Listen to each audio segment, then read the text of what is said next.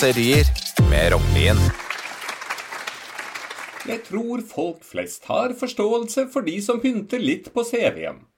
Det er derfor Durek Verrett bare skaper lett omring når han i jobbsøknadene fører opp at han var farao for 4000 år siden, med den egyptiske dronningen Märtha Louise ved sin side. I boksen for relevante erfaringer skriver han sexekspert. Det var sannelig kreativt, tenker vi da. Hvorfor fant vi ikke på det selv? Nå skal vi herme etter sjamanen i jobbsøknadene våre, alle sammen. Det kan da ikke skade om vi synliggjør overfor fremtidige arbeidsgivere at også vi evner å spre glede hos det motsatte kjønn på julebordet. Samtidig kan det hende at vår nåværende prinsessekjæreste har foregnet seg. Så vidt jeg har plukket opp, har ikke Durek vært like åpenhjertig om hva han gjorde etter at han hersket i Egypt. Se ikke bort fra at noen stusser over at han har et hull i CV-en på sånn ca. 3950 år. Trolig savner Durek og Märtha et av sine tidligere liv akkurat nå. De mottar verbale knyttenever fra både øst og vest. Også karrieremessig går det nedover. Det er ikke helt det samme å være sjaman og prinsesse på oppsigelse som farao og dronning. Durek tar attpåtil vikartimer på Oslo-skolene for å få hjulene til å gå rundt. At han er populær der, er ingen overraskelse. Hvor ofte har skolene kunnet hoste opp en vassekte farao til historieundervisningen? Som deretter kan gå rett til naturfag og ta den forhatte sexopplæringen. Like dårlig går det med Märtha, som ikke lenger får titulere seg hennes kongelige høyhet. Akkurat det er litt rart.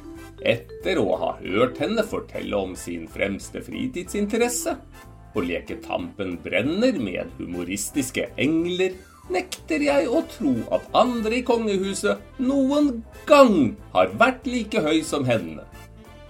Det sier ikke rent lite når en av konkurrentene gikk under tilnavnet Partyprinsessen. Det er derfor til å forstå at Durek er bekymret for alle drapstruslene, nå som karrierepilene åpenbart peker i feil retning. Her gjelder det å klamre seg fast til dette livet. Hvem vet hva det neste vil bringe? Nå har også Epilepsiforbundet avsluttet samarbeidet med prinsessen. De vil ikke lenger ha Märtha som sin beskytter. Akkurat det forundrer. Enhver som har sett en epileptiker gå amok, vet at vedkommende er besatt av minst ti onde ånder. Hvis noen skal kurere slikt djevelskap, må det være sjamanen og hennes åndelige høyhet. Den eneste et kraftig epilepsianfall ikke biter på, er Bent Høie. Kanskje vil det rykke litt i øyevippen, men det er også alt. En global pandemi som tok livet av millioner, var heller ikke nok til at hvilepulsen steg hos vår forrige helseminister. Skal noen klare å vekke ham til live, holder det ikke med Märtha og Durek. Jesus var nok ganske tilfreds da han hentet Lasarus tilbake fra dødsriket for litt over 2000 år siden, men skulle han lykkes med å blåse liv i Bent Høie, da er nok også Messias villig til å innrømme at han har utrettet et sant mirakel.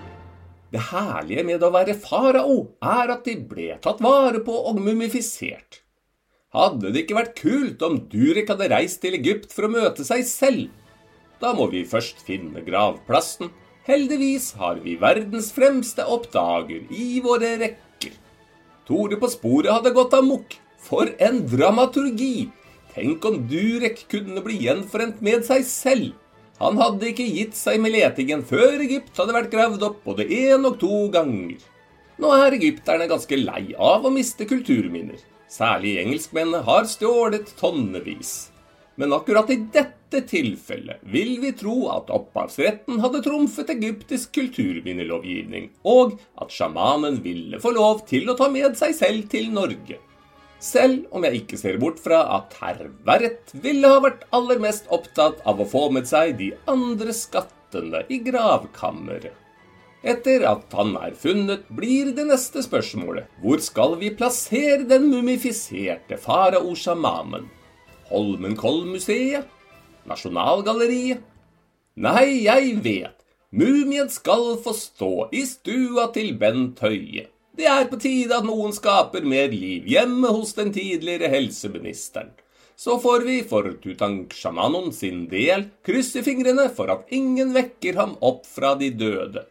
Det vil jo være synd om det første han får øye på, er Bent Høie. Etter 4000 år som død er det ingen som har lyst til å erfare at det var mye mer moro nede i kista. Den nålevende utgaven av sjamanen får på sin side håpe på bedre tider i jobbmarkedet. Som det står skrevet i teksten, og den saga natt som senker drømmer på vår jord som altså betyr at drømmer om storhet kan bli til virkelighet. Ifølge kong Harald skjønner ikke amerikanere seg på kongedømmer, men da kan vi i det minste trøste sjamanen med at nasjonalsangen er det heller ingen nordmenn som forstår. Vi oppfordrer ham likevel ikke til å føre opp som kvalifikasjon på CV-en at han har skjønt Ja, vi elsker. Da går han for langt. Det er det ingen som kommer til å tro på.